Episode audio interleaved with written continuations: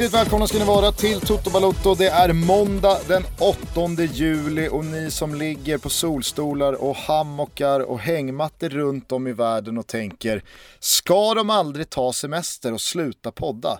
Nej. Nej. Det- det Ruskigt vi fina hammocken måste jag liksom bara sticka in med härifrån eh, Grekland Gusten. Den ruskigt, ruskigt fina hammocken. Kan det vara den mest överskattade möbeln som finns? Jag tror, om jag, om jag ska vara lite seriös så tror jag faktiskt att rent inredning, inredningstrendmässigt så är hammocken på väg tillbaka. Kanske. Kanske det. Ja. Men svaret är i alla fall nej på frågan. Toto Balotto rullar på med två avsnitt i veckan, minst. Hela sommaren lång. Så är det, så är det och redan på torsdag så kommer ni få den stora äran att lyssna på mig Gusten när vi kör den nya faktarutan. Det blir skitkul mm. Jag har faktiskt tänkt på eh, sen efter eh, Filip Hammar-avsnittet. Det är ju fortfarande väldigt många som hör av sig angående det och, och kommer med glada tillrop. Några tycker också att det är viktigt att påtala att det kanske var vårt sämsta avsnitt hittills. Eh, det var bara massa pladder i mun på varandra. Men det är en hel del som har eh, reagerat på diskussionen du vi hade om... grekgubbe och käften på det. Så jävla trött på det. Alltså jag sitter ingenstans. Jag lo- förlåt Ja. att jag avbryter det här, men jag sitter ingenstans. Jag har verkligen tagit mig till en plats där det är ingenstans. Men självklart så finns det en jävla push Dakota utan eh, eh, ljuddämpare höll jag på att säga. Och, och trimkrök och hela faderullan. Jag blir, alltså, var man än går så är det något jävla bensindriv, någon bensindriven motor som låter. Jo, nej men det är många som har reagerat på eh, den minst sagt röriga diskussionen vi hade tillsammans med Filip om vilken sportjournalist som skulle ha bäst möjligheter att eh, hålla ett lag kvar i Allsvenskan. Så jag tänker att som något slags hommage till Filip Hammar kanske vi ska lyfta in den frågan i faktarutan framöver. Ja men det kan bli intressant, inte minst om man har spelare med sig. Alltså för, för det är ju ett perspektiv som man sällan liksom, eh, pratar om eller som sällan kommer upp i media. Just eh, spelare eller tränares förhållande till just media och eh, de olika journalisterna. Vi vet ju att Zlatan har ju haft bojkott eh, mot Aftonbladet på grund av Robert Laul och alltså det har ju funnits det där. Och, nu eh, John Guidetti och Vigge och gänget som var sura och Foppen och, och Olsen och, och allt vad det är. Så är de järnkoll på, på ändå det lilla eh, liksom mediegänget som hänger runt landslaget. Men för all del runt allsvenskan så här, det är klart att alla har koll på liksom. Eh, det, det, det, eh, det, den ligan som reser runt och kollar på alla matcher och, och så vidare och så vidare. Så att, alltså, då får man ju det. Det är det jag skulle säga. Eh, Simon vad- Tern gjorde vilka- väl ett stort eh, nummer av det där i fjol när han, eh, han hade mer eller mindre tröttnat på att okunniga journalister skulle sitta och tala om för eh, en, en stor mängd svenskar vilka spelare som var bra, vilka spelare som var dåliga, när de enligt honom då inte ens förstod fotboll. Så då körde ju han något spinn på det där att nu ska jag vända på bordet och så ska jag börja betygsätta journalister och kommentatorer. Ah, det var ju väldigt väntat när han la ner efter 5 plus kategorin och inte Jo, sen alltså det vågade, Simon Tern- vågade hänga ut 2 plus gänget. Det Simon Tern måste förstå, alltså han får gärna fortsätta twittra för min del och eh, ha, ha åsikter.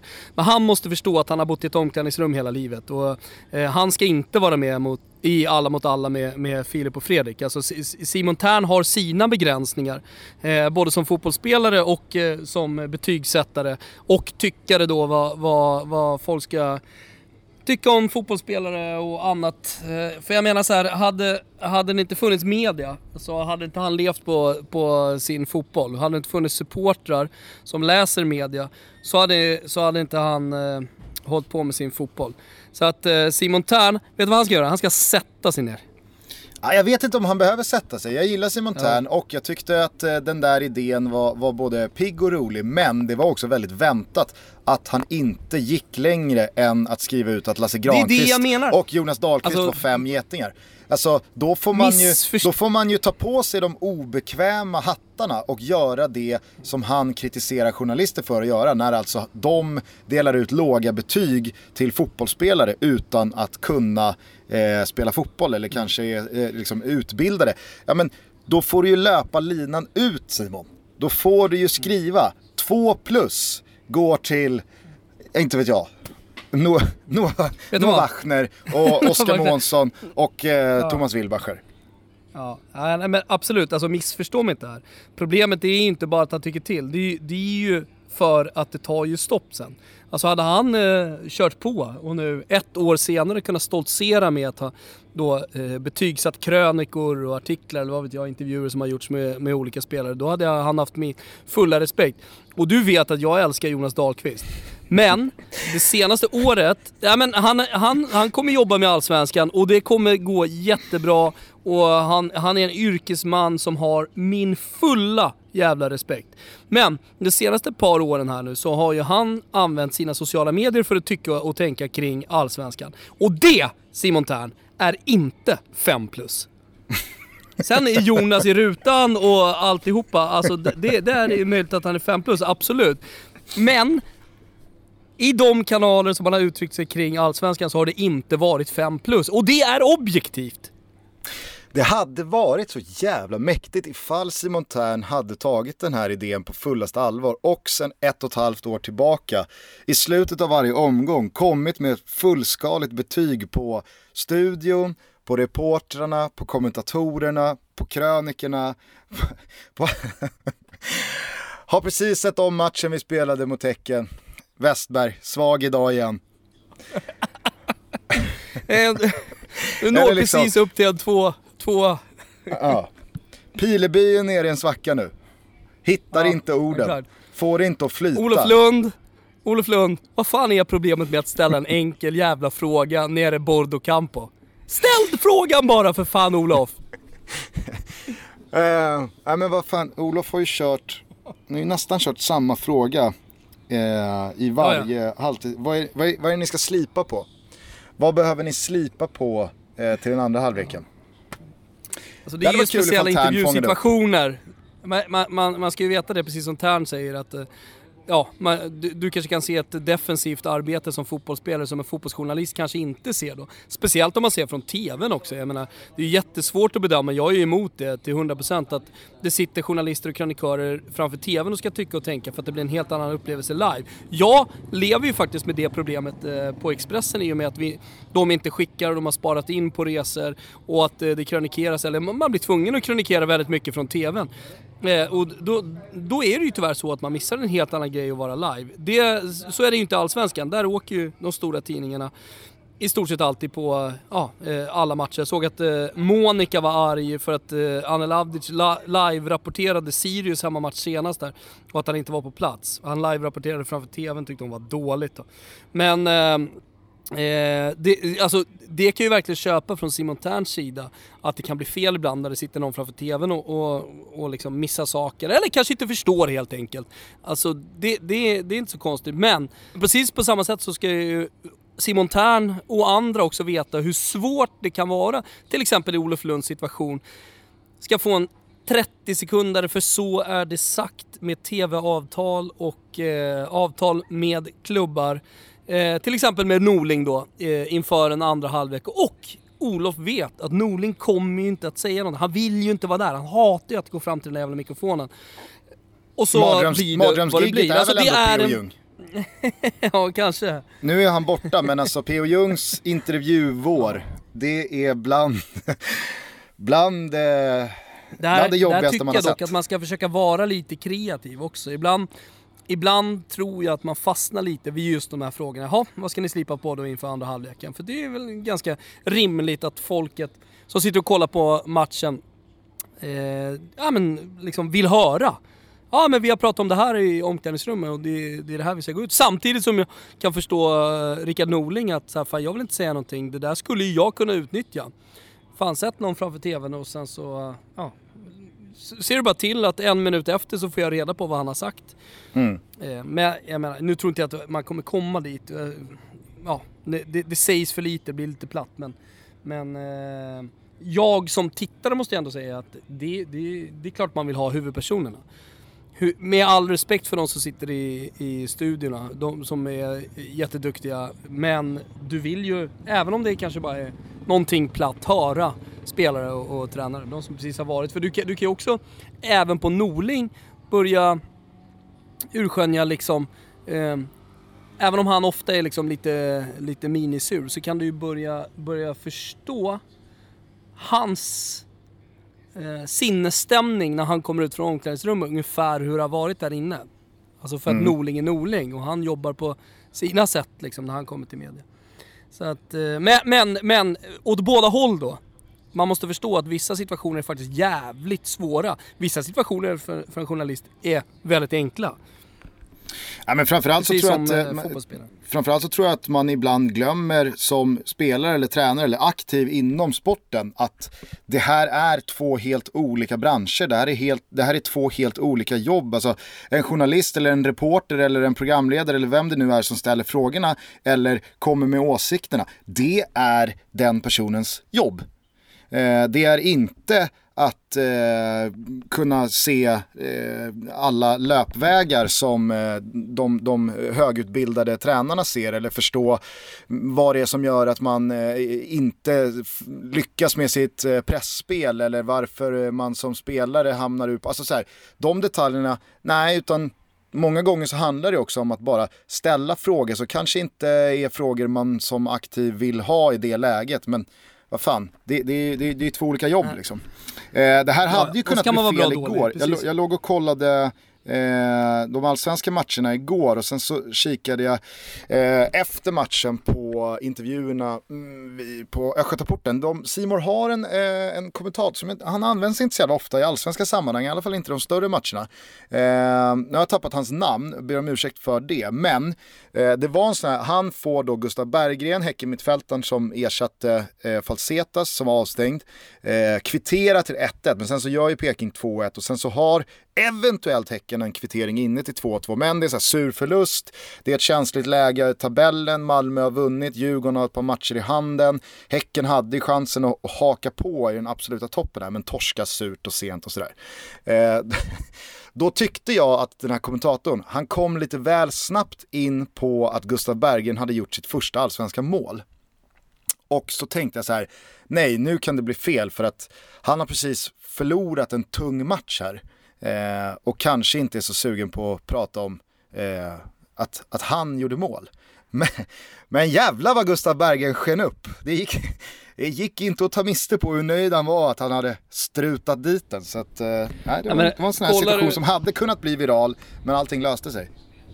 Ja, nej men kollar du på internationell toppfotboll så är det ju i stort sett aldrig, inte ens när laget har vunnit, eh, som en spelare verkligen suger åt sig och, och pratar om målet. Det skulle vara ett eh, ja, men, kanske hundrade målet i ligan eller i karriären eh, so som får spelarna att verkligen stanna upp. Annars så är de ju väldigt snabba på att eh, gå över till laginsatsen. Mm. Och, ja, och, hylla kollektivet och, och medspelarna och sånt där. Men det är ju härligt, eh, eh, vad ska jag säga, lite junisbeteende då, då.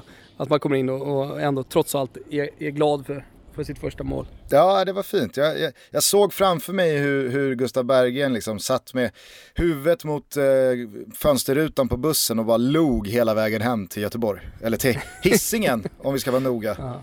Vill du ha ett svep från de senaste dagarna? Ja, eh, kör. Kommer det här då. Nästan på dagen 25 år efter det att Thomas Brolin och det svenska landslaget grävt guld men hittat brons i USA landade damerna samma valör på medaljen efter en karaktärsinsats från den högre hyllan i Frankrike. Rolfö, Hedvig, Glas, Blackis, Kapten Seger, Jakobsson och Gerhardsson med svaj på smulan.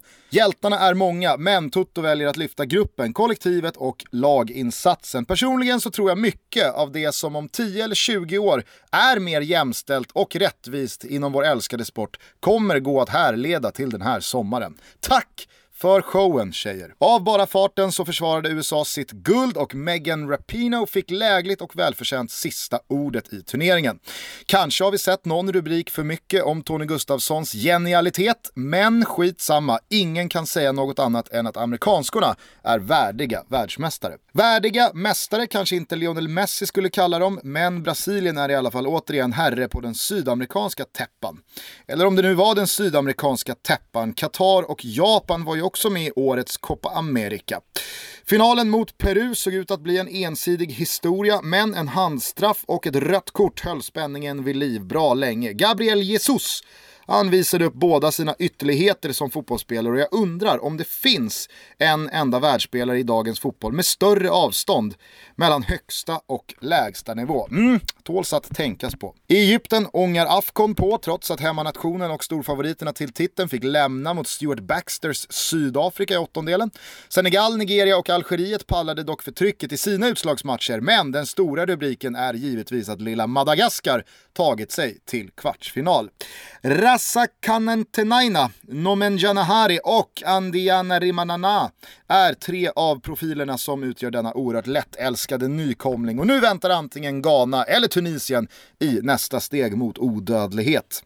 Hemma i Allsvenskan lyckades inte Häcken, trots Gustav Berggrens eh, första allsvenska mål, haka på i toppen, utan fick se sig surt besegrade av Norrköping på Östgötaporten. Kanske var kvitteringen till 2-2 över linjen, kanske inte. Men härliga Allsvenskan utan VAR kommer aldrig säkert att veta. Totte Nyman Ser i alla fall mer och mer ut som seriens bästa forward, men det är Jordan Larsson som delar ledningen i skytteligan. Bayern gjorde kalops av Falkenberg och under de 20 inledande läktartysta minuterna kunde man höra hur Hasse Eklunds proppskåp gick med varenda säkring. Alexander Kacaniklic gjorde första målet sedan Lucia 97 och när han väl pytsat kom två till av bara farten. 6-2 och Bayern tillbaka på segerspåret. Där är också AIK efter förutsägbara 1-0 mot Kalmar och tre nya blev det också för Malmö och Blåvitt. Nu kör vi lite svenskt Europakvalsfokus i några dagar innan vi åker igen. Ajde! Hade jag fått avsluta det där svepet så hade jag sagt och Super Mario Balotelli har återigen stått för en Balotellata. Han betalade 2000 euro till en napolitansk barägare för att han naken skulle åka ner med sin Vespa i havet. Jo jag vet, men är det, är det svep? Ska, ska det in i svepet verkligen?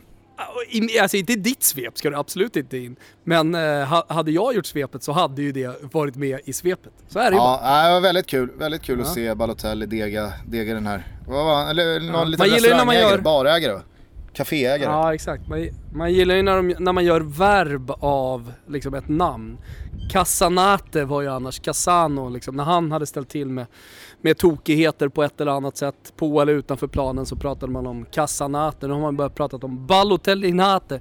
Slattanera blev väl ett verb också va?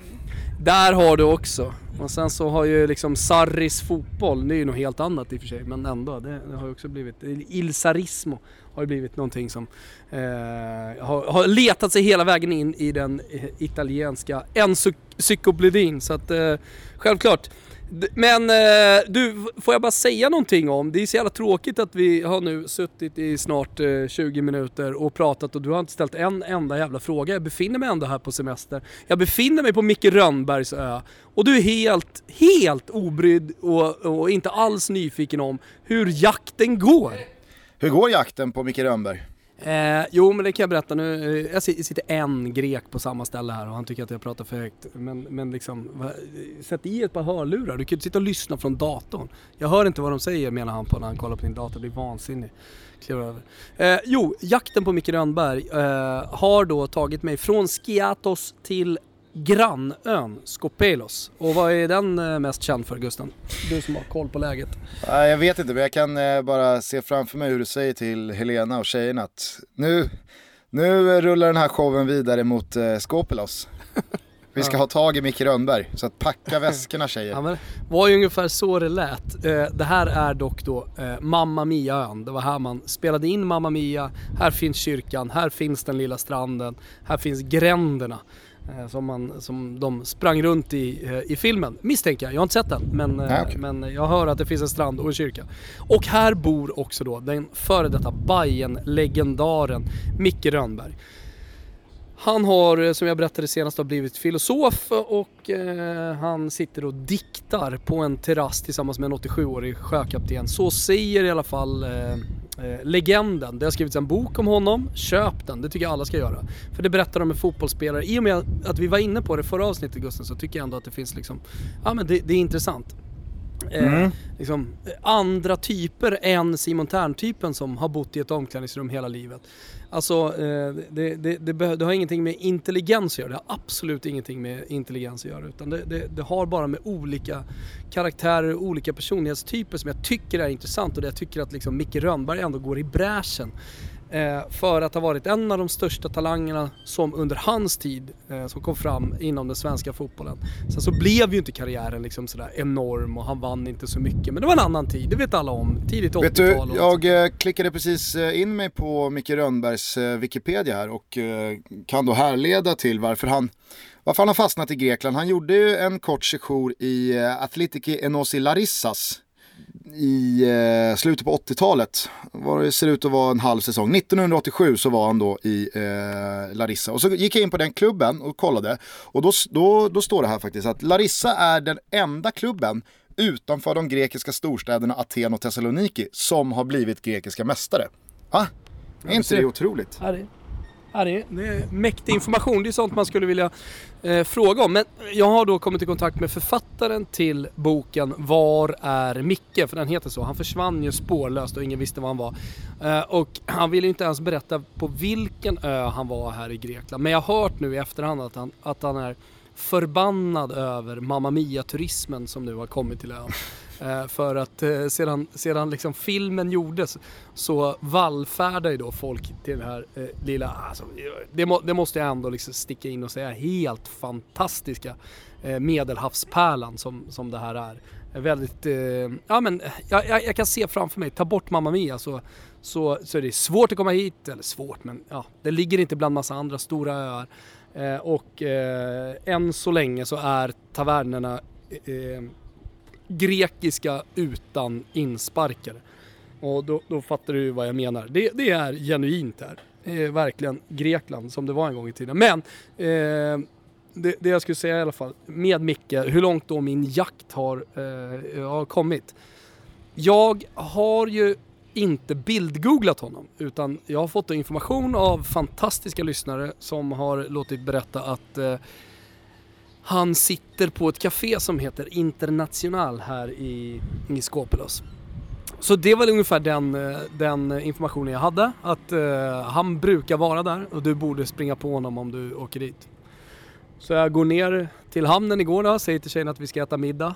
Mina ögon är på spänn, men jag kommer ju snabbt på vad fan är det jag tittar efter? alltså, vi är ju inte ensamma här liksom. Eh, utan jag får ju då börja gå och lyssna på, är det någon som pratar svenska eller så här. Springer ju ganska omgående på en, en, en, en svensk tillsammans med några småtjejer som ser ut att vara barnbarn. Eh, axel mot axel så att vi liksom dunkar i varandra. Eh, känns erfaren i Medelhavet. Han har tofs och vitt hår liksom tillbaka sådär. Tänkte att fan, det där hade, hade inte det där kunnat vara Micke Rönnberg. Men det är ju för sjukt. Hur som helst, inga batteri i telefonen som vanligt så att eh, vi käkar middag så åker jag hem, bildgooglar och får ju då upp en bild på eh, Micke Rönnberg som har varit med och gjort något jävla bajen quiz såklart. Som alla gamla bajare har gjort.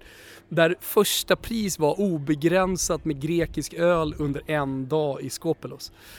Så det, det, har då, ja, i alla fall skapats ett quiz där, där, där första priset är obegränsat. Jag misstänker att man får ju betala resan och, och alltihopa själv, men man, man får då hänga med Micke. Och den här kvällen när man då skulle, det, det, quizet var förra året, 2018, och kvällen som man skulle få kröka med Micke Rönnberg och dricka hur många grekiska öl man ville, det var 2019. Så att eh, jag stannar här på ön eh, ett par dagar till och hoppas då att det kommer ner något, eh, lite, någon liten Bayern-liga här. Eh, och, och super till med Micke så ska jag försöka göra mig av med familjen och vara med. Men summa summarum Gusten, jag sprang ja, alltså in i honom bokst Ja, jag sprang in i honom bokstavligen igår. Eh, ja, mäktigt. Axel mot axel och dunkade i. Eh, så att eh, nu, nu återstår bara att få några ord med honom så kommer jag känna mig nöjd och lämna den här ön utan att ha sett en enda jävla Mamma Mia-sevärdhet. Ja, Micke Rönnberg, följetongen eh, fortsätter eventuellt alltså? Vi hoppas det. Ja. Eh, du, eh, jag skulle bara säga det när du eh, antydde där att Balotellis eh, liksom pröjsade Vespa med tillhörande barägare ner i vattnet borde ha tagits in i svepet. Där hade man ju kunnat diskutera ifall eh, Rikarlisons eh, intervjuinsats eh, efter Copa America-segern igår kväll också kanske skulle gjort det. Eh, noterade du vad som hände där? Nej, men jag vill veta. Ja, hans, eh, Eh, Evertons eh, Rickarlison eh, gjorde ju 3-1 på straff och punkterade finalen mot Peru eh, i, i, slutet av eh, ordinarie tid. Och så står han och jublande glad i eh, mixade zonen efteråt och så berättar han då att jag tillägnar mitt mål till min gammelmormor. Eh, det, det, det är för henne eh, jag gjorde det här målet. Och då frågar eh, reporten vad, vad heter hon? och då svarar Rikardsson, nej jag vet inte, jag har glömt det. ah, så jävla fint alltså. Annars, eh, eh, rubriker drar ju också Paolo Dybala ner efter att ha varit jävligt bra i den här bronsmatchen. Jag vet inte mm. om du la märke till det också? Ja, jag, jag såg matchen, jag tyckte han var bra men det, det var ju svårt att bortse från utvisningen på Medell och Messi där Messi inte gör någonting.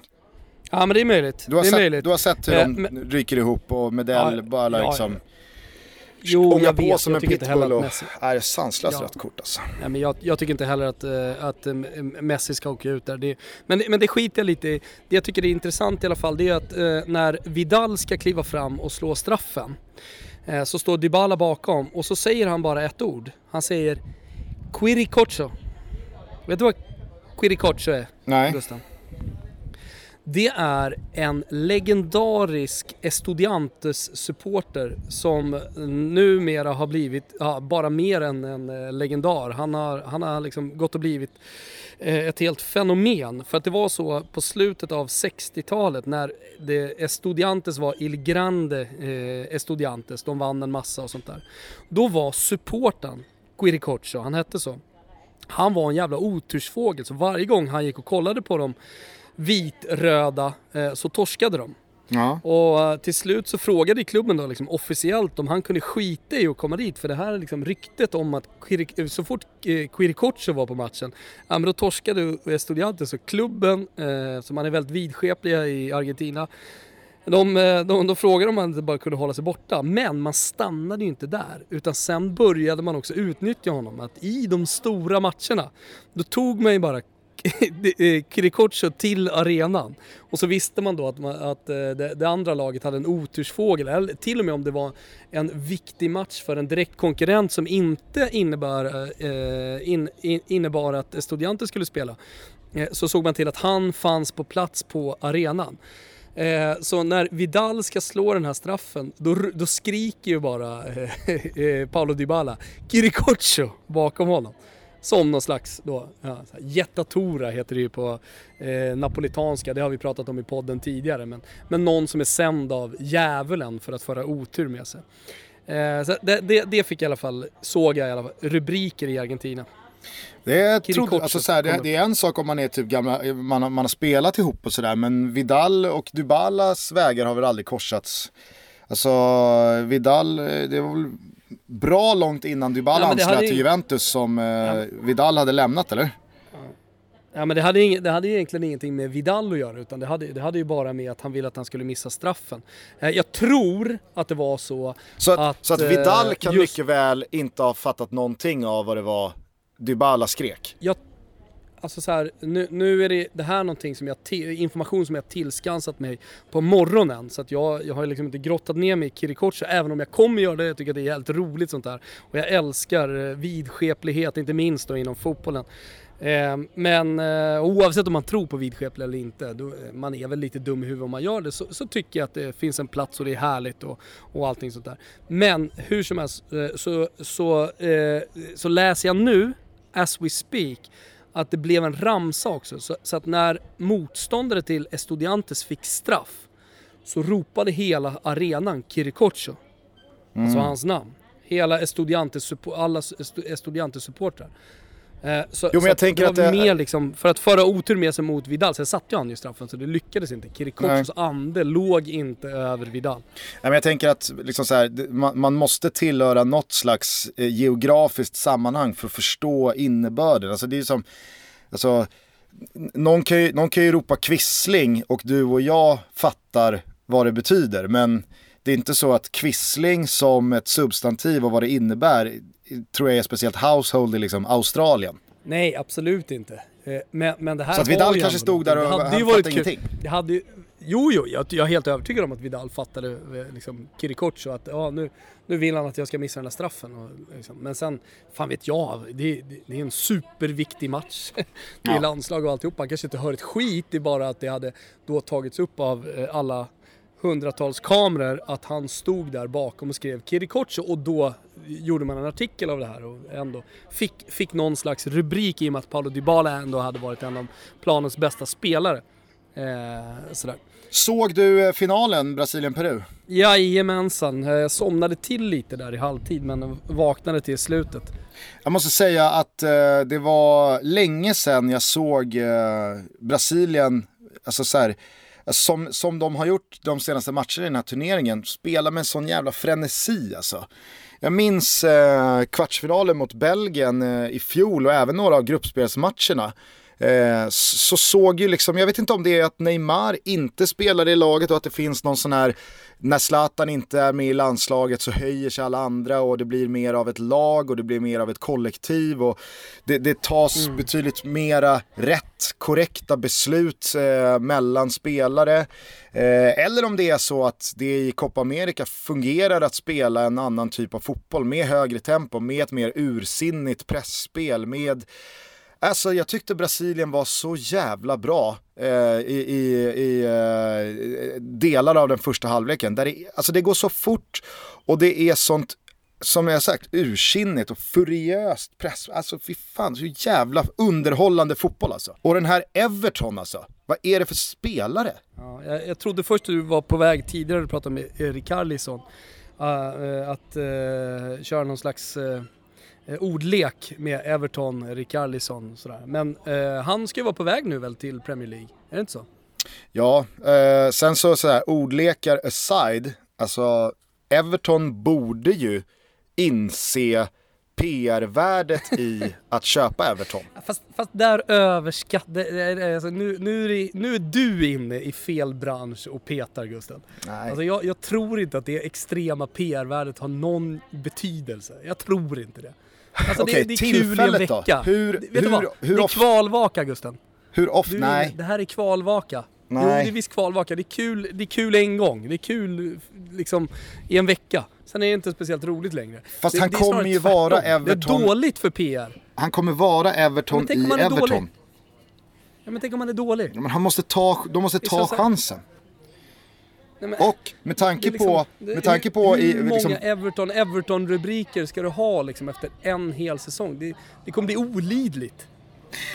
Ja, jag vet inte. Ja, tanken tänkte ju inte bara jag igår kväll i alla fall. Eller under de här senaste veckorna. Det är klart, inte, det är klart. Och speciellt nu som han har ryktats till Premier League. Så Ja. självklart. Fantastisk spelare, jag tycker Brasilien hade, och, och stora delar över den här turneringen, ett eh, riktigt jävla bra lag som spelade en otroligt underhållande fotboll. Jag, jag tycker att Tite imponerar som eh, matchcoach i hur han har liksom ändrat i det här laget och, och anpassat det utifrån både motstånd och form på spelare och han har fått skador att brottas med och så vidare. Eh, och som, som jag var inne på i svepet, alltså Gabriel Jesus, hans första halvlek, Alltså den är så bra igår. Och så vet man, var har den här spelaren varit? Han spelar dessutom i någon slags ytterforwardsposition ute till höger i ett 4-3-3 och han är riktigt bra defensivt, han är kvick och snabb och kreativ ute på kanten, slår sin spelare med finter man ytterst sällan ser honom liksom stå för i citytröjan. Alltså så tänkte man ju så här, fan Pep Guardiola måste ju titta på den här matchen och tänka, det, det går inte att ytterligare en säsong hålla Gabriel Jesus utanför laget och, och låta honom vara någon slags FA-cupen och spela döda Champions League-matcher spelare. Eh, för att han måste in. Och sen så kommer den andra halvleken, allt är som bortblåst, han rycks med känslomässigt, han tar det mest idiotiska röda kortet jag sett. Eh, och så inser man igen att, ja, Nej just det, han är, han är ju så här dålig också när han är dålig. Fast vet en sak glömmer vi när vi pratar om Gabriel Jesus. Och som jag tänkte på igår när du, när du skrev, eh, ja vad du nu skrev på Twitter. Gåtan. Gåtan ja, precis. Alltså så här, kan man prata om gåtan kring en spelare som allting har gått så snabbt för som det har gjort för Gabriel Jesus? Mer eller mindre, jag ska inte säga från ingenstans för då kommer direkt de som följer brasiliansk fotboll säga han hade minsann gjort allt det här och det här. Men i alla fall, kom till Europa hyfsat okänd efter ett fantastiskt OS tillsammans med, vem då kom han till Europa Gusten? Gabigol. Jajamensan. Och då, då, då visste man inte, vem, vem var egentligen bäst här? Var det Gabigol? Är det han man ska satsa på? Är det han som är the next big thing brasse? Eller är det Gabriel Jesus? Eh, City fick ju rätt där eh, och Inter landade med Gabigol som numera är bortskeppad. Skitsamma. Eh, han är alltså född 1997.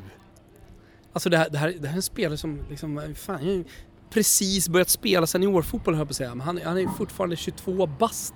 Alltså, det, det, han måste få, få, göra misstag. Jag förstår att eh, brasilianska landslaget ger honom stort ansvar och att, att många Manchester City-supportrar har eh, stora förväntningar på honom inför, inför liksom, ja, som förra säsongen och sådär. Men fan, han var, var 20-21 bast förra säsongen och ska spela i Manchester City de största jävla matcherna mot det bästa jävla motståndet varje vecka, till och med var tredje, var fjärde dag. Alltså, någonstans så blir det omöjligt att sätta någon slags gåta-epitet på en sån spelare. Är du 28, 29 bast, då kan du börja prata om en gåta. Så här, hur, varför blev det ingen? Varför är det liksom upp och ner och hit och dit med den här liran?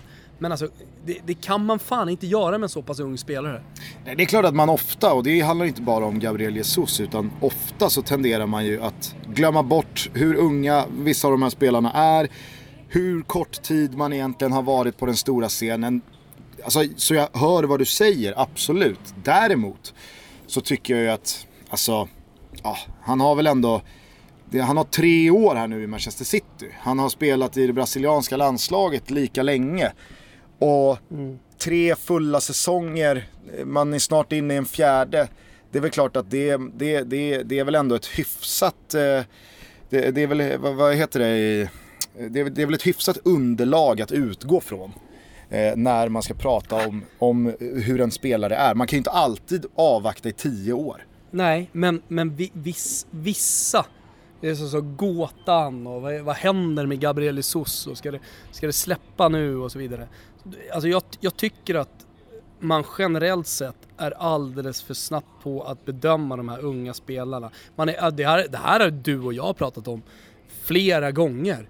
Just det här med att man eh, liksom är så jävla snabb på att vara svart eller vit och, och köra liksom flopp och eh, han, eller, eller på andra sidan då så här, ah, men han är nya Maradona och, eh, alltså det, det, det, finns ju nyanser, det finns ju spelare som kanske behöver två, tre år innan de blommar ut. De kanske behöver känna en, en tränares förtroende mer än, än en annan.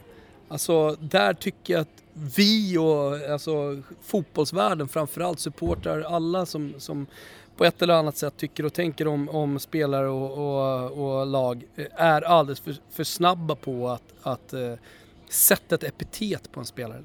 Ja, det, det, så, så kanske det Jag tycker i alla fall att... Uh, han gör jag, ändå... Jag tror gjort, att Gabriel Jesus... Han har gjort jag tror att Gabriel Jesus lärde sig oerhört mycket av det där röda kortet han tog igår och det kommer utveckla honom som fotbollsspelare. Jag tycker dessutom att han satte på display vilken otrolig jävla talang han är och vilken högsta höjd det finns i honom och att han dessutom visar det från en position som borde göra honom mer tillgänglig för uh, speltid i Manchester City. Det är ju också bara på pluskontot. Jo men man ska komma ihåg liksom 7 mål på 10 matcher, 13 mål, på 29 matcher så hade han 7 plus 5 förra säsongen då. Hade det ju tufft säkert i vissa stunder med konkurrens och, och liksom eh, ja, ta plats när det finns en Kun Agüero i, i, i, anfallet med betydligt större erfarenhet och såklart en helt annan typ av garantispelare.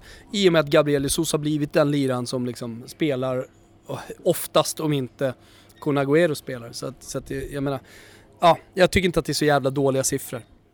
Nej, nej, och det är ingen som har pratat om siffrorna. Det är ju bara att det finns, det finns en högsta höjd och det finns en, en, en, en märklig annan höjd. Men jag tycker att du, du kommer med en bra, ett bra argument här. Ett bra case du presenterar. Ska vi säga någonting om eh, att Sverige är tredje bäst i världen och att ännu ett brons bärgades i ett fotbolls-VM? Mm, så här lät det.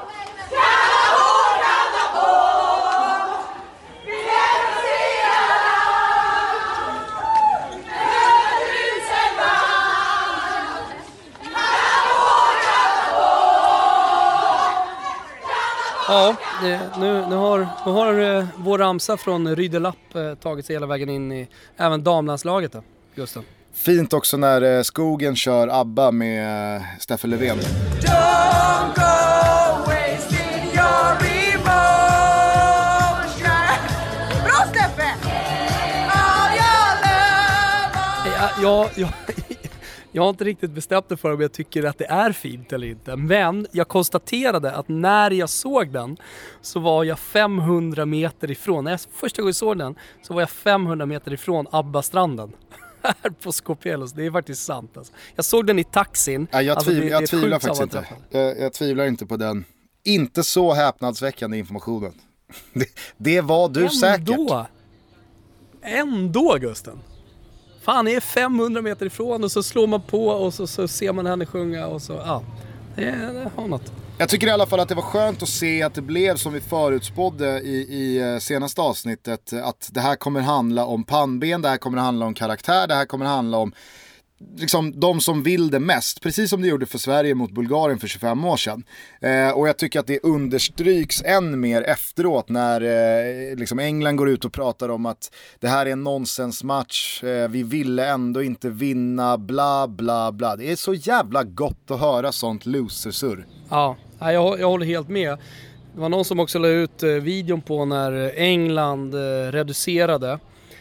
Och glädjen då bland eh, spelarna på bänken, ja men alla egentligen Phil Neville som var helt tokig liksom och, och jublade och kände att nu är vi på gång in i matchen igen. Vad, vad var det för känslor då? Ja, exakt. Alltså det är någonstans så måste, ju, måste det ju komma ifrån så här, hur viktigt är det för spelarna?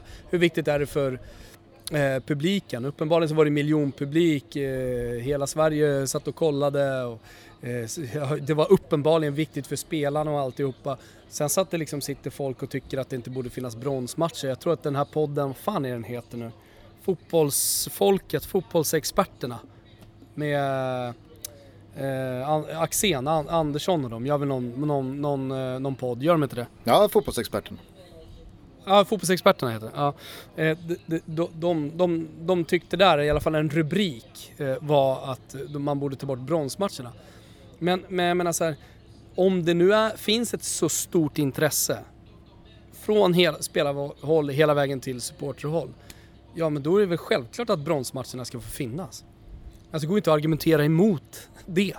Nej, alltså jag, jag har aldrig förstått eh, jag har aldrig förstått de som eh, är av åsikten att man ska ta bort bronsmatchen. Jag har alltid saknat bronsmatchen i EM. Håller helt med. Det, det, är liksom, det är en match och man vill väl hamna på den där prispallen i och med att det alltid har funnits tre medaljer. Varför ska man inte slåss om den tredje? Det är väl klart som fan man vill bli trea framför att man liksom blir fyra. Jag minns också nu, från 94. Sen kan man ta bort att jag- B-slutspelet. Det, det, kan- Ja, ja. Det, där är jag liksom. Va, finns B-slutspel kvar fortfarande inom idrott? Åkte inte svenska damkronorna ur A-divisionen vad gäller VM så att nästa år så ska damernas, alltså Tre Kronor fast damlandslaget spela BVM. Alltså, finns det en krönika som Leffe Bork... Finns det, finns det en alltså. krönika... ja, verkligen. Finns det en krönika som Leffe Bork har skrivit om det här så, så vill jag gärna läsa den och skratta lite gott. Men, eh, nej, men jag kommer nu ihåg också från 1994 att vi efter bronsmatchen mot Bulgarien när vi hade vunnit satt, och jag tror att jag nu pratar för ganska många, att eh, liksom, den allmänna åsikten var hellre vinna ett brons än förlora en, en VM-final och bara få ett silver. Alltså det är ju fullständigt galet såklart. Eh, Men, men liksom så här, så här, avsluta i dur snarare än i moll. Jo men det, det, det kan man väl ändå, alltså så här, jag såg att, eh, Spela VM-final, spela VM-final. eh, jo men självklart, jag menar bara att så här, det där är väl ett med facit i hand-tänk som ändå är hyfsat, eh, hyfsat rimligt att, eh, att föra. Eh, Jag vet inte men Men eh, jag, jag, kommer i alla, jag kommer i alla fall ihåg att det var så jävla glädjande när vi hade tagit det där bronset. Att, eh, att man typ i den stora euforin eh, också uttryckte just de känslorna. Hellre Jo, det här, fan, jag tror att- än, än att torska en final. Fast jag tror att man kan se på det på olika sätt. Jag tror att ingen hade ju liksom så här, eh, ingen hade ju tagit bronsmatchen mot ett sämre lag för att det blir, det blir eh, eh, större möjligheter att vinna matchen på förhand jämfört med att få spela en final som underdog eh, och, och förmodligen torska. Men med facit i hand när man vet då, ja, vad hade du hellre gjort? Hade du, ah, jag vet inte fan. Jag kan, jag, kan, jag kan ändå förstå när Brolin sitter och säger där i den där lummiga Berson i VM-krönikan. Att han hellre vinner en bronsmatch än förlorar en final. Eh, men självklart så hade man ju på förhand såklart velat spela VM-finalen. Jag tycker att Ja, eh, Toto Balotto i alla fall ska ta av sig hatten för eh, damerna och, och tacka för mästerskapet. Jävla superinsats alltså. Mm, ja, jag tycker det och det som du säger, just stämningen som man har förstått och man har kunnat följa på sociala medier har rått i, det, i, i, i gruppen liksom. Från det att de eh, träffades, samlingen hela vägen in i mål, det tror jag har varit fundamentalt. Jag tror aldrig man hade kommit dit. Just därför blir ju spelare som Olivia Skog som är någon slags här, ja men, tar samman, vinner samman gruppen, eh, tar de unga tillsammans med de gamla, man, man förstår att hon får allt allting, den här lagsammanhållningen, att verkligen svetsas eh, samman ännu mer. Eh, alltså just, just den typen av spelare är ju så jävla viktig att ha med sig även om de inte är med inne på plan varje match under ett mästerskap. Och jag vet att vi har pratat om det eh, när Costa Rica gick till kvartsfinal i VM och när andra lag har skrällt i, i, i mästerskap tidigare. Att det är liksom, det, det, det är en annan typ av fotboll, det är andra saker som är viktigare snarare än som i klubbfotbollen att bara ha de bästa spelarna, de bästa tränarna, de bästa sportchefen. Eller hur? Mm, ja, verkligen. Eh, vad gäller USA och världsmästarna här så tycker jag som jag sa i, i svepet att det fanns något, det fanns något fint eh, poetiskt rättvist i att eh, Megan Rapinoe blev eh, ja, men den som fick sätta punkt för mästerskapet och komma ut Nu har, segrande. inte, nu har inte jag hängt med jättemycket på Megan Rapinoe men jag har förstått att hon är Trump-krit, kritisk eh, och, och har, eh, eh, har väl typ då avböjt att åka till eh, Vita huset. Ja, precis. Och jag tror att hon eh, dessutom eh, för några år sedan eh, som första vit idrottsman eller kvinna valde att också gå ner på knä, på ett knä under nationalsången som blev en det, det, det spridde sig som en löpeld i, framförallt i NFL-sammanhang, men hon gjorde det. Sen så förbjöds det då av det amerikanska fotbollsförbundet, alltså fotboll som i fotboll, inte amerikansk fotboll, fotboll, du fattar. eh, så att hon har ju varit eh, någon som hela tiden har, har varit väldigt eh, obekväm gentemot makten eh, i USA och i synnerhet då Donald Trump. Eh, och, och jag gillar när sådana personer också levererar på banan. Eh, för då, då blir liksom, då blir kritiken och då blir eh, integriteten mycket, mycket starkare när man dessutom eh, liksom inte bara talk the talk utan man walk the walk också. Walk the walk. Ja Nej, men eh, jag är verkligen, jag såg att någon hade skrivit det också, just den tweeten flög förbi mig. Walk the walk, talk the talk, att hon var en av de stora som har liksom, ja, en av de största idrottsprestationerna att just talk the talk men också walk the walk då. Ja, så att eh, nu eh, börjar mästerskapen eh, droppa av här. Nu är det bara Afcon kvar. Såg du, eh, har du följt Madagaskars framfart? Ja, eh, jag har följt det. Eh, Jag, har inte, jag såg inte matchen, men eh, jag förstod att de vann på straffar till Erik Nivas stora glädje. Inte just för att han är, han är en enorm Madagaskar-supporter, men han verkar gilla straffar i mästerskap väldigt mycket. Ja, vilka straffar de bjöd på sen alltså. Det är, det är en av de mest självklara insatserna i en straff, straffsparksläggning jag fan någonsin sett. Stenhårda uppe i krysset. Ja, visst, det är, ja, de är klockrena alltså. Det bara smällde i nätet. Det bara smällde i nätet alltså. Ja, men det, jag tycker är extra kul med Madagaskar det är att de, alltså så här, du och jag har ju, vi har ju målat kartan egentligen under hela Toto Baluttos tid med de just afrikanska landslagen och vad, vad, de, vad de har för smeknamn. Då finns ju då liksom de klassiska Super Eagles och Black Stars och de lite Mm, liksom mindre household, kopparkulorna och medelhavsriddarna och så vidare.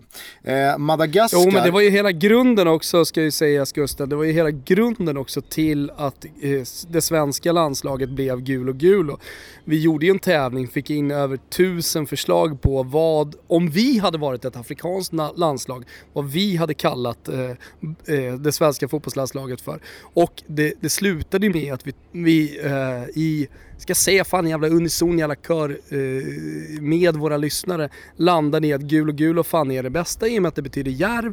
Det svenska landslaget är tyst, eller svenskar är tysta, lite tillbakadragna. Men när vi river, då river vi fan till. Så att det passade bra. Vi ville vara ett djur, älg, eh, ett djur, älg och älghorn och lodjur och så vidare. Ingenting kändes riktigt bra men när järven kom, när Gule Gule kom, ja då blev vi också ett afrikanskt landslag. Många glömmer ju bort den här historien när de tycker att det är löjligt eller vad det nu är eh, de har för åsikter, eh, de trendiga techno-djurgårdarna liksom när de hör av sig. Men, men, men, men man får ju fan ta det för vad det, liksom, för vad saker och ting är också. Exakt. Låt oss kalla gul och gul om vi tycker att det är lite roligt att, att göra det liksom. Precis, och eh, jag tycker att Madagaskar har, de har fan höjt ribban här nu eh, på just det här temat. För att, eh, så kopparkulorna i all ära, vilka var det? Det var typ, eh, var det, kan det varit? Mali. Så, Ma Mali. Mali. Eh, Medelhavsriddarna, är det Algeriet eller är det Nej, Libyen. Libyen? Ja, du ser. Eh, Det, det är ju härliga smeknamn men det går inte att göra så jävla mycket med det rent liksom så här, ja men mm, man, identifier, man identifierar sig ju inte med att man är en kopparkula eller att man är en medelhavsriddare kanske. Eh, men eh, Jag vill Madagas vara kopparkula. Madagaskars na- landslag, de, eh, de heter då, eller de kallas för Barea. Som är en, en art av eh, zibo, alltså en, en, en buffel. Så att i deras, i deras förbunds liksom, emblem, i, i eh, loggan för eh, det, det eh, vad säger man, det madagaskiska eh, förbundet. Så har de då den här tjuren eller den här buffen med en fotboll mellan hornen. Och då har det då överförts till att mellan spelare och supportrar så kör man två fingrar i huvudet som horn. Och så har de en ramsa där de jag vet inte om de försöker låta som bufflar eller om, eller så här, för det låter mer som att det är ljud än att det är, alltså det är ingen, det är ingen ramsa med ord.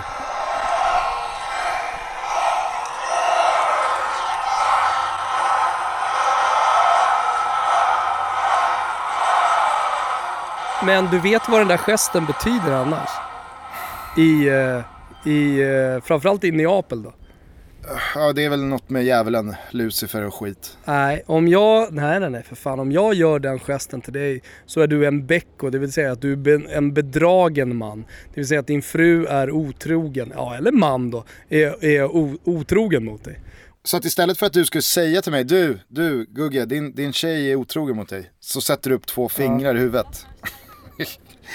Ja men exakt, du, du visar det bara, kolla på det, det du, du är en bedragen man, det vill säga, alltså är man bedragen enligt Ja, jag kan tänka mig hur det var förr i tiden. Då, då, är det liksom, då är det inte synd om det utan det är för att du är dålig och du kan inte tillfredsställa din make eller maka. Så hon måste eller han måste gå och, och liksom få sitt på annat håll. Du är med andra ord eh, en sopa. Ah, och ja. så liksom har gesten uppkommit. Ja men vad fan, det är väl inte så svårt att förstå. Jag misstänker att det i alla fall inte har någonting med det som Madagaskars spelare gör ute på plan Nej. Till sina supportrar eh, när de då firar avancemang i, i fina, fina Afcon. Men det är i alla fall det de gjorde. Jag har ryckts med i Madagaskar-hypen här så att jag är mycket spänd på att följa ifall de får Ghana eller Tunisien eh, som möts i en av de sista åttondelarna i, ikväll va. När sen mästerskapssommaren är över, ja men då rullar det igång. Fina International Champions Cup som man ser hos Strive. Exakt, eh, för att eh, om man då tror att när mästerskapen är över, när det inte finns något U21, något eh, VM eller någon Copa America mer, då börjar vi intensifiera upptrappningen inför den ligasäsong som faktiskt snart fan står runt dörren. Premier League drar igång redan vad? Första veckan i augusti? Ja, första helgen.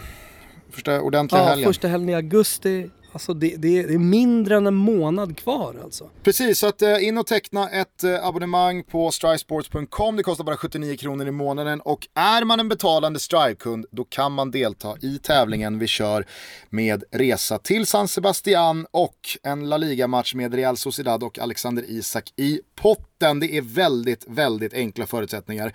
Man ska utöver eh, abonnemanget helt enkelt motivera varför man själv ska få vinna under hashtag StriveTutto. Jag gillar också att folk eh, då eh, ja, men hör av sig på olika sätt. Någon har då till exempel bara skrivit, hade, eh, det är Jens Westerlund, hade aldrig åkt till San Sebastian på eget bevåg, men om ni vill är jag på. Alltså jag tycker att Jensa någonstans, han leder ju det här liksom. Eh, Kindberg, han är lite mer sentimental då och menar att det är lite synd om honom. Ja men det är också ett knep man kan ta till. Har inte sovit en hel natt sedan min förstfödde son kom in i mitten av maj. Tar ni inte med mig så får jag en hel natts sömn, vet jag inte hur det ska ske. Eh, rädda mig. Ja men du vet, det, det finns olika, olika sätt att ta det. Eh, Faruk då, Rossoneri, Milan-supporten, han skriver Låt Låter ni mig åka till San Sebastian, San Sebastian så ska jag göra omskärelse igen. Så att det är folk som lovar saker och ting också. Det, det gillar jag. Men det är väldigt, det är väldigt, det är väldigt, jag vet inte hur den jävla omskärelsen ska gå till. Inte mycket hud kvar på den där pillesnorren alltså. Men, Man är, men, halvsugen men alltså, på, man är halvsugen på att bevittna Faruk köra ytterligare en. Vet det fan. Kanske ändå. Men hashtaggen är i alla fall StriveToto. Bara gå in där. Man kan också köra ett Instagram, köra en bild och, och, och så vidare och så vidare. Alla sociala medier funkar. Men eh, börja bomba på hörni. Hashtag StriveToto. Finns alla möjligheter för er där ute. Vi är också sponsrade av Pepsi, det vet ni. Och Pepsi Max Taste Challenge är tillbaka sen eh, en kortare tid. Rullar på hela sommaren. Eh, till helgen så dundrar Pepsi in i eh, Leksand när det är dags för Putte i parken. Och det är bara kliva in i tältet, delta i det här blindtestet och säga tutto till personalen. Får man en liten hemlig gåva. Ja. Det gläder mig att se bilder på folk som har trevligt i Pepsi-tälten. Mm, glöm inte bort heller mitt stora tips att eh, den bästa måltidsdrycken om man vill ha alkoholfritt är en Pepsi. Jag väljer Pepsi Max för jag gillar den osockrade varianten. Men det är så förbannat gott på semestern att bara hälla upp en härlig smarrig Pepsi i ett glas fullt med is och ett par citronskivor i. Alltså det, det, det är sommar. Om vi bara ska tillbaka lite till, eh, till, till bollen då. Vad, vad, vad säger silly season-gurun Thomas Wilbacher? Nej men jag säger det att nu börjar eh, Mino Raiola sätta hårt mot hårt. Eh, Det är ju så att Delict har varit på väg till Juventus, fan alla spelare vill till Juventus. Av någon anledning. De eh, har en jävla dragningskraft måste jag ändå säga i och med att de är så jävla bra på att signa Bosman-spelare. Rabiot senast, eh, ja fan Aaron Ramsey kom ju också. Eh, och, och nu att De Ligt skulle välja Juventus, eller han har valt Juventus i och med att Mino Raiola går ut och, och säger att det är så. Han är, är eh, De Lichts eh, agent. Eh, men, men det han gör är att han sätter press på Ajax. För att De Ligt är överens med Juve. Och nu måste Ajax bara acceptera övergångssumman. Och eh, jag menar, de kan ju alltid pressa upp den och säkerligen få mer från en annan klubb. Eh, men spelaren och agenten vill att han ska gå till Juventus. Det är liksom, det, det, däremellan är det redan klart.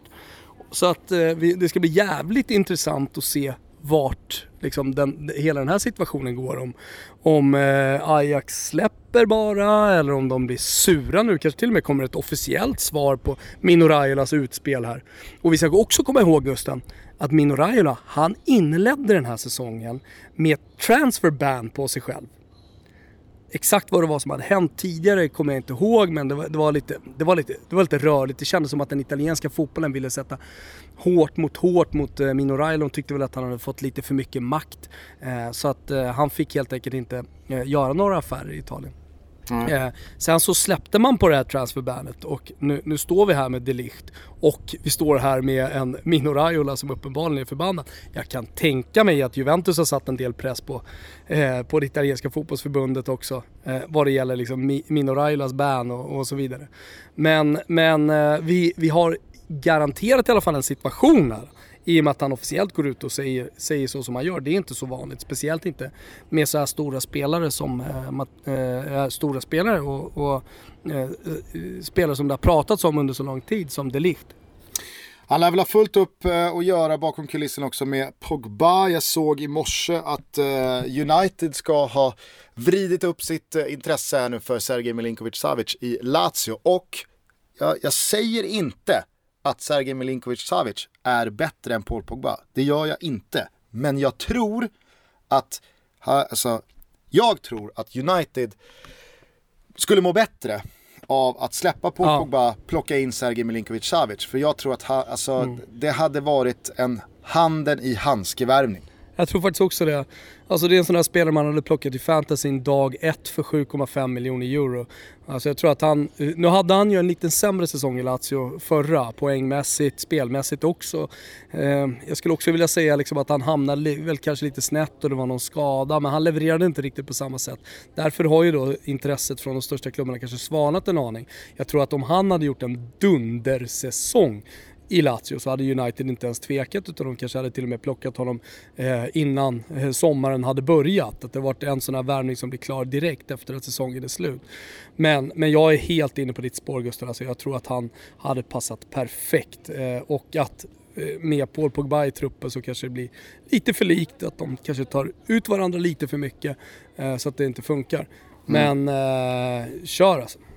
Eh, jag noterade också eh, genom Fredrik Pavlidis headlines på Fotbollskanalen eh, så har spansk media rapporterat då att Antoine Griezmann inte har dykt upp till när Atletico Madrid återsamlades här efter semestern. Och att det då innebär någon slags gängbot på 5000 euro om dagen. Det gillar man ju. att de kör gängbot. Ja. ja, ja. Det är Ja, fantastiskt. Ja, jag tycker det också är härligt. Men eh, det, det trissar ju också upp intresset eh, och snacket kring eh, Neymar. Jag menar, nu, nu, nu är ju Griezmann mer eller mindre klar för Barcelona. Jaha, vad händer med Neym- Neymar då då? Eller hur Gusten? Ja, verkligen. Vart ska han ta vägen?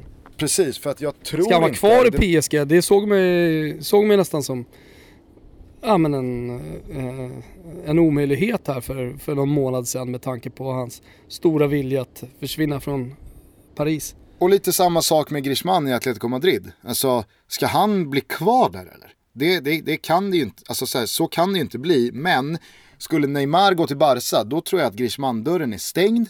Och vart ska han då landa? Ja, nej, det, det, ja, Manchester United, alltså det finns väl andra klubbar som har stora pengar som borde kunna vara liksom, intresserade av att värva Griezmann. Jag tror att det sista ordet långt ifrån är sagt. Jag tror att det, vi, vi, vi kommer få se eh, en liten tsunami, alltså när de här stora, stora spelarna verkligen börjar lämna.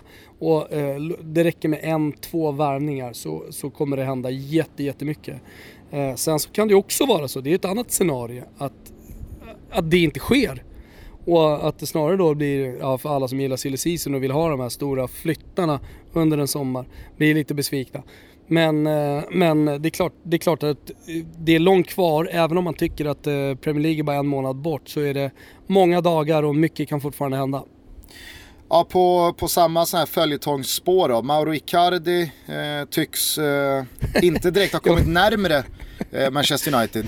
Som är min profetia. Nej, nej verkligen inte. Eh, snarare så har det snackats väldigt mycket om Juventus då de senaste dagarna. Det vet ni, det har vi tagit upp här i podden. Men det, det, det spåret har ju liksom levt vidare. Men nu verkar det som att ingen vill ha Mauro Icardi och det är ju fan helt jävla otroligt.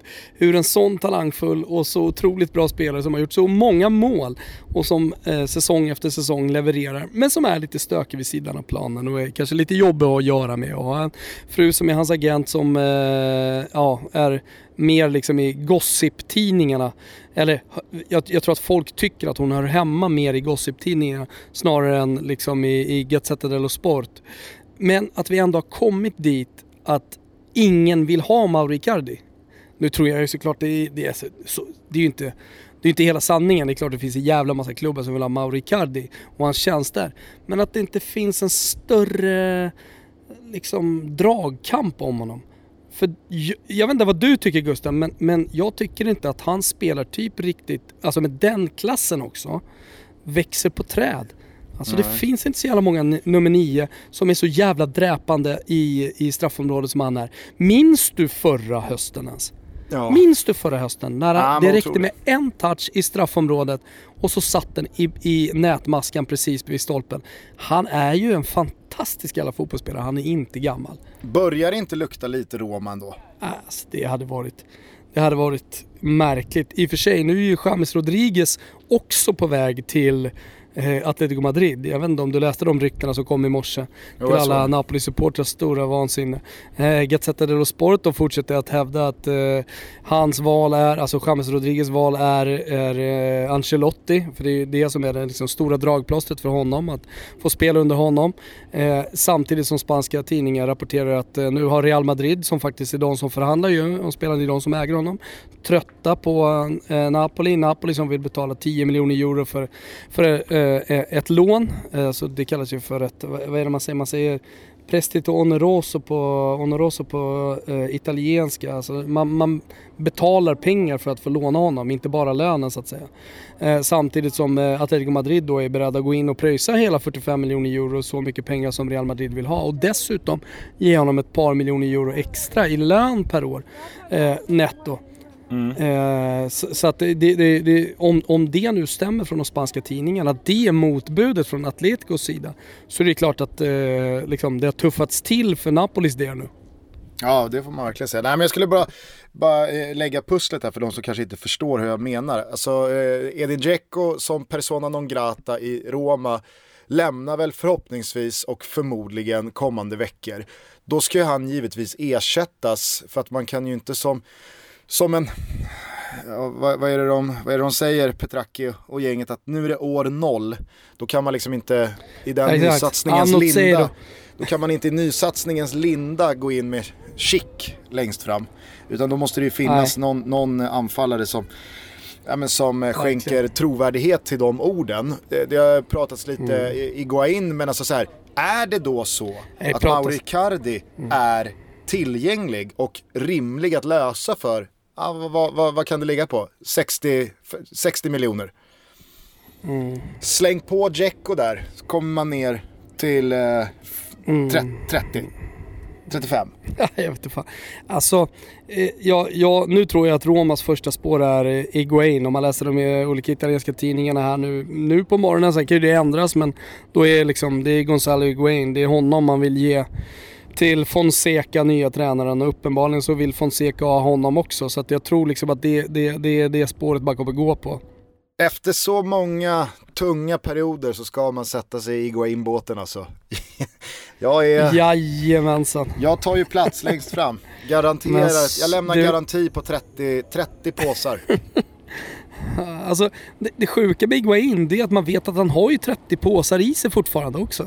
Absolut. Absolut. Eh, Men Mm. Ja. det är just den där ambivalensen kring Mauro Icardi. Att skulle det bli så att, ja, men säg att det, det, det låser sig med Higuain, Dzeko vill till Inter, på så sätt kan man få ner priset på Icardi. Alltså det är så här, och så är det Mauro Icardi som vadå, har han två skytteligavinster senaste fyra säsongerna i Serie A. Eh, han är född Ja. 93. Ja. Alltså, då, då är man ju fruktansvärt ambivalent. För att sportsligt så är det ju, det, det, Roma, kan inte, Roma kan inte få en bättre anfallare. Nej. Det går inte. Nej, Samtidigt det så är är det, det är den Nej. sista spelaren du vill knyta till din klubb. Mm. Ja, jag vet. Jag vet. Det, är, det är ett väldigt, väldigt speciellt läge med båda de spelarna ska jag säga. Både Higuain och, och Icardi på, på två olika sätt hur som helst. Eh, hörni, det återstår en hel del av silly season, det återstår en hel del av semestern, det återstår en hel del av sommaren. Men fortsätt eh, dela med er om eh, vad ni fyller den här tiden med i hashtaggen sommartutto. Det tycker vi är kul. Mycket roligt. Jag gläds väldigt mycket och, och ska faktiskt exakt efter detta sätta mig och lägga ut lite sköna bilder på vår Instagram Gusten. Där heter vi Toto Balotto, där kan man följa. Ja, det låter bra. Eh, följ också våra tripplar borta hos Betsson. Vi är i väldigt god form. I helgen så var det både Ja men det var kassaskåp på Bayern och Brasilien och eh, Algeriet. Ja, ja. Så att eh, formen är Algeriet god. också. ju- Ja, formen är ruskigt god. Ytterligare en Toto-trippel som sitter alltså. Så att, eh, vi ångar på eh, och, och eh, gör våra analyser nu inför nästa kommande helg. Ni hittar givetvis de här som vanligt borta hos Betsson under godbitar och boostade odds. Ny trippel till helgen och ett stort tack till er som möjliggör den här podden. Nu så ska jag bege mig mot eh, gymmet för att rehabba min axel lite. Jag har spelat sönder den ute på golfbanorna. Mm, mjö- mjukglassen ska bort. Eh, Tompa han ska öppna upp sig en Pepsi, hälla ner ett iskallt glas med isbitar och inte minst citron. Och så ska jag bara må här nere innan jakten fortsätter på Micke Rönnberg här på Skopolos. Och så kanske, kanske, så ska jag bara skrika efter honom. Det kanske ni också borde göra oavsett i vilken serie ni, ni lirar i. Kirikocho! Glöm inte det Gusten. Nej, jag ska Tänk inte dig när du glömma. står där. Du, du, har, du har en viktig straff framför dig oavsett om det är framför TVn eller om det är, om det är liksom Korpen eller Division 4. Då är det bara att vråla Kirikocho så kanske är den här myten då eh, och hans ande som ligger över straffskytten. Ah, Ska, så ska jävla härligt. vråla Kirikocho när eh, Madagaskar tar sig till ännu en eh, straffsparksläggning i kvartsfinalen mot antingen Ghana eller Tunisien. Och så sätter jag upp Sen hade mina varit jävligt, fingrar på jävligt konstigt om huvudet. jag... och signalerar att alla män runt omkring mig är bedragna av sina, sina flickvänner och fruar. Och så låter vi som Ja. bufflar i grupp. så låter det som Så bufflar. känner man vi idiotin liksom- flöda i hela kroppen. Och så, tänk om vi hade tagit hela det här beteendet eh, när jag först, första gången möter eh, Micke Rönnberg och försöker få hans uppmärksamhet. Ah, ja, hur som helst, jakten fortsätter hörru. Kirikocho på dig Gusten. Hoppas att mjukklassen försvinner så, så, så hörs vi snart igen. Det gör vi. Ciao tutti allihopa. Ciao tutti!